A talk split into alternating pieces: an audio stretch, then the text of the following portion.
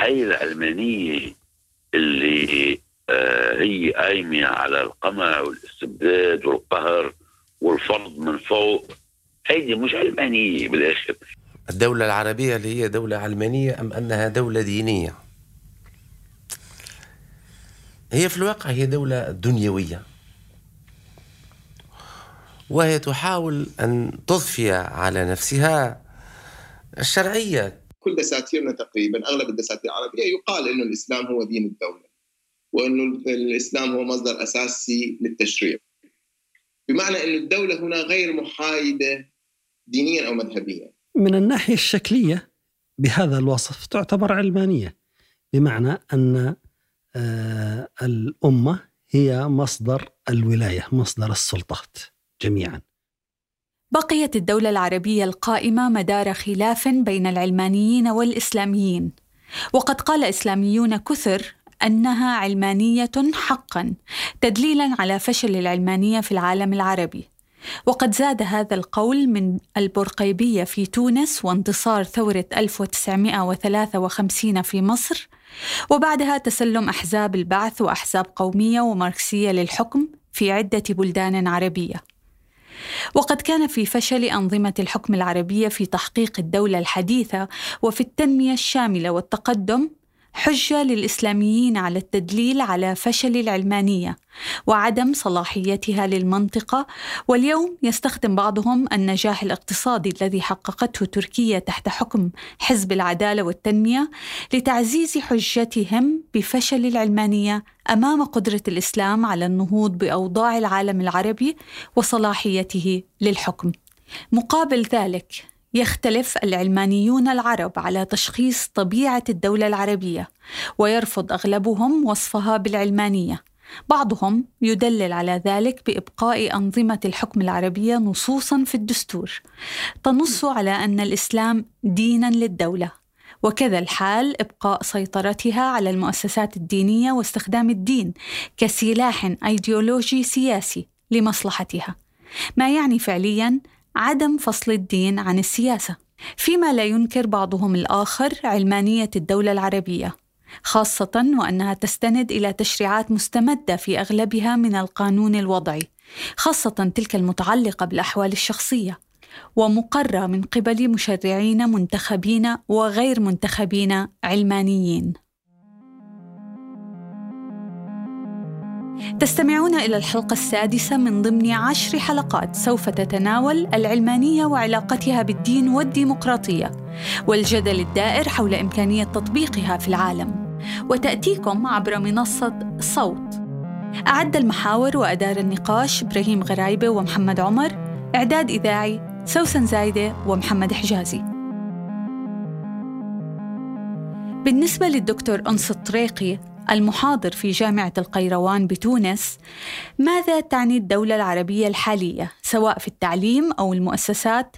هل هي دولة دينية أم دولة علمانية؟ أم دولة مدنية علمانية؟ أم دولة مدنية بنكهة علمانية؟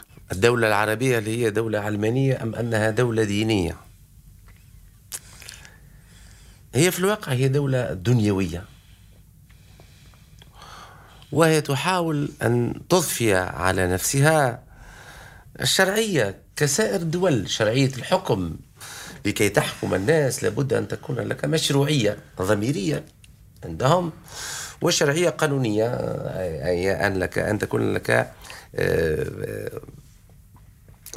هذا الحق في إنتاج القانون وصناعة القانون الذي ستنظم به حياة هذا المجتمع هذه الدولة هي دولة دنيوية.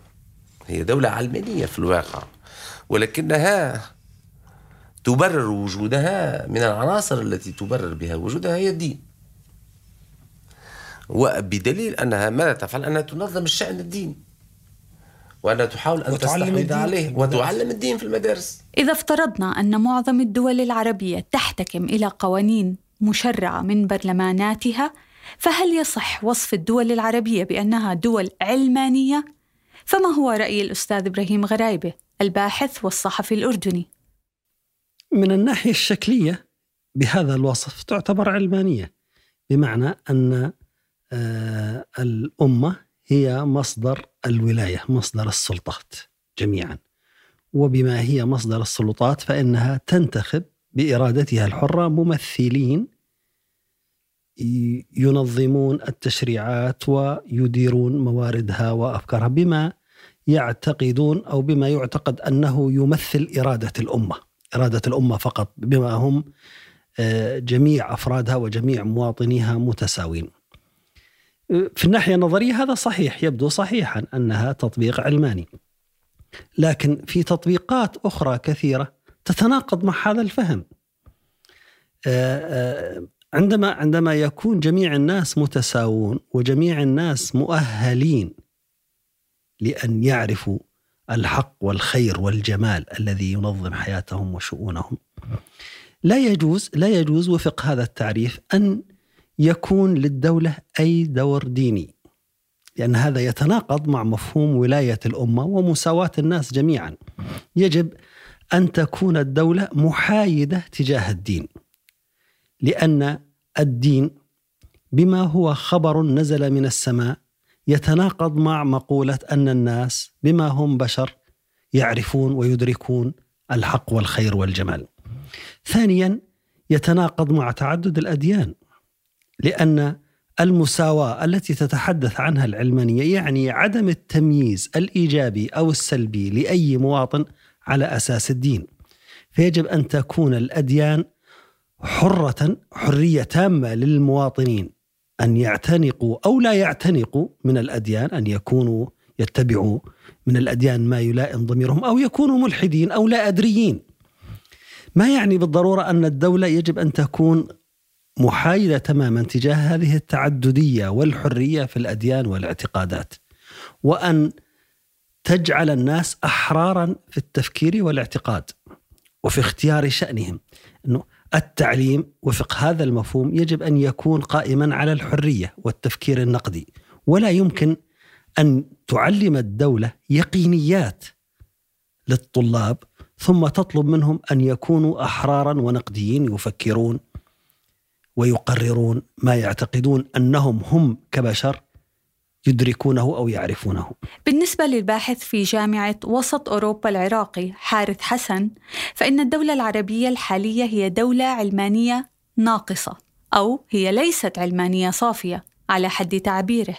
إحنا في منطقتنا مشكلة انه محاولة الدولة السيطرة على المجال الديني من أجل توظيف هذا المجال لمصلحتها، اولا بشكل من الأشكال هو آه، وضع علامات تساؤل على كونها دولة علمانية. لأن الدولة بهذه الحالة انحازت. يعني في في كل دساتيرنا تقريبا أغلب الدساتير العربية يقال أنه الإسلام هو دين الدولة وأنه الإسلام هو مصدر أساسي للتشريع.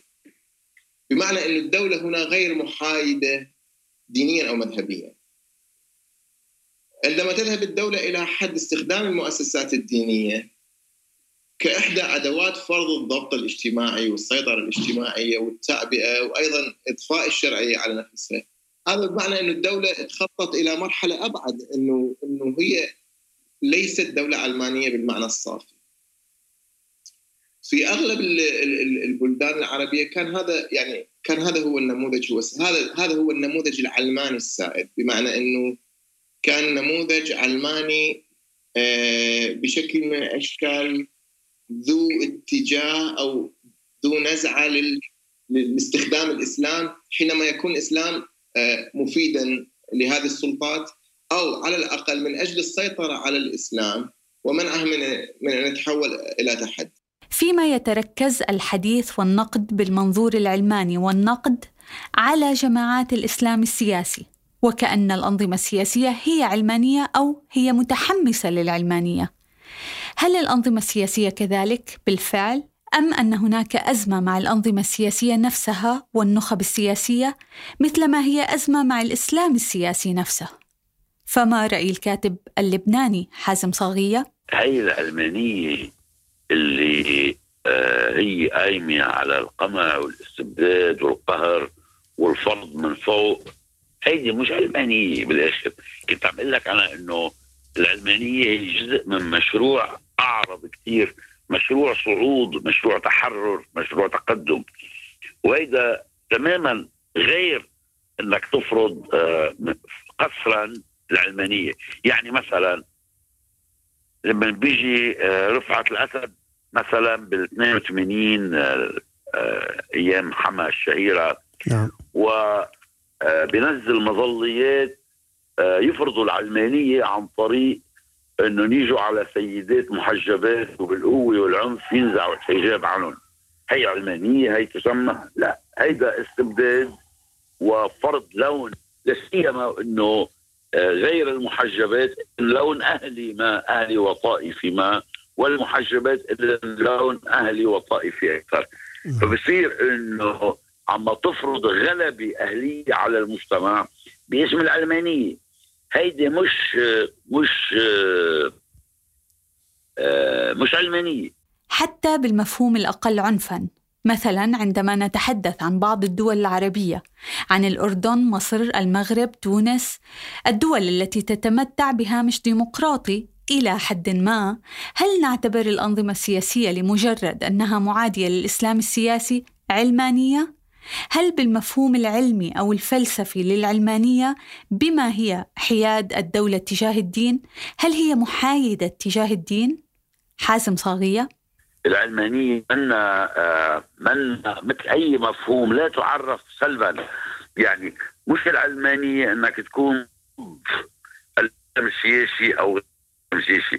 العلمانية أنك تكون مع شيء مع آه يعني مع الحريه مع التقدم مع التفكير مع حرية التعبير آه مع إنك تزيح كابوس القوى المانعة والشالة للتفكير وللمبادرة. آه لما بتصير تعريف العلمانية تعريف سلبي يعني مثلا شيء مثل الحزب القومي السوري المشهور يسمى حزب علماني طيب آه هيدا الحزب إذا بتقرأ مثلا أنطوني سعادي الإسلام في رسالته بيطلع إنه آه آه آه في موقف انتي بعض الإسلام هو بيسوغ له كلمة علمانية.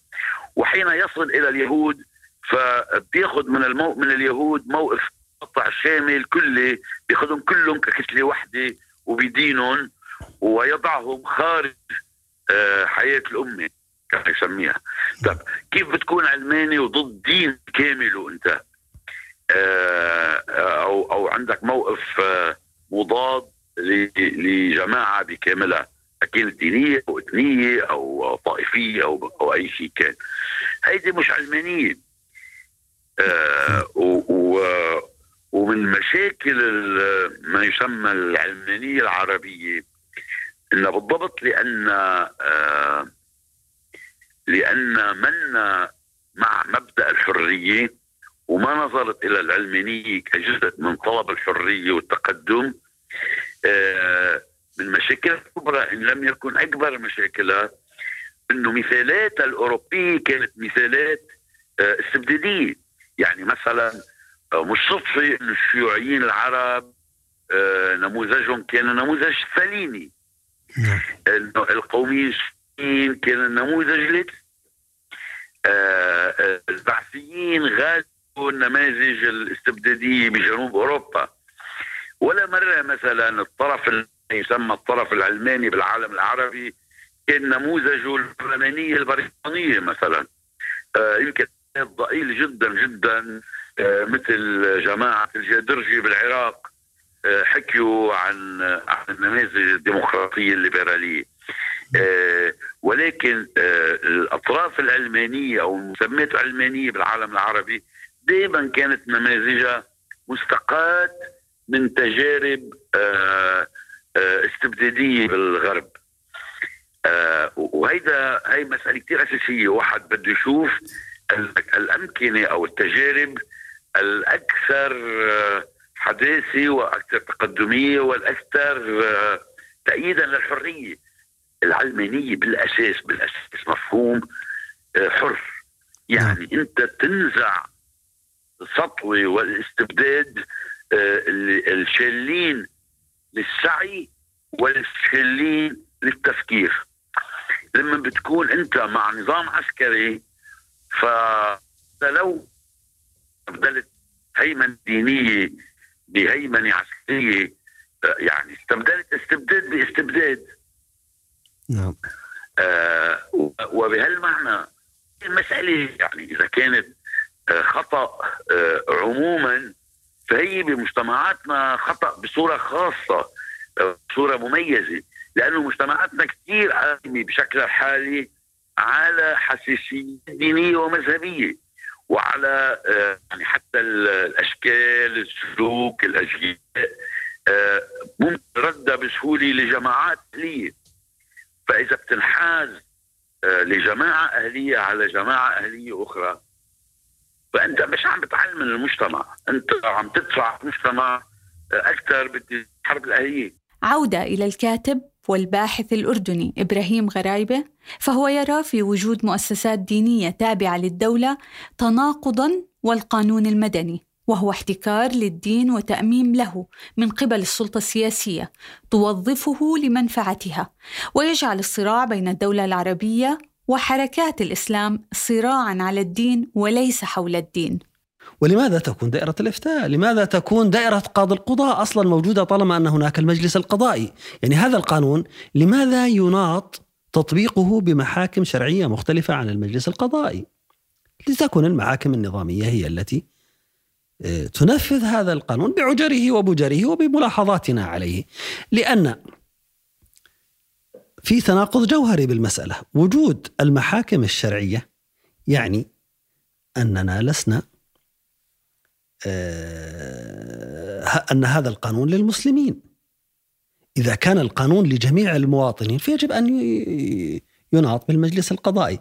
إذا أنت تعتقد أن هذا القانون للمسلمين يجب أن يكون هناك قوانين مختلفة لغير المسلمين.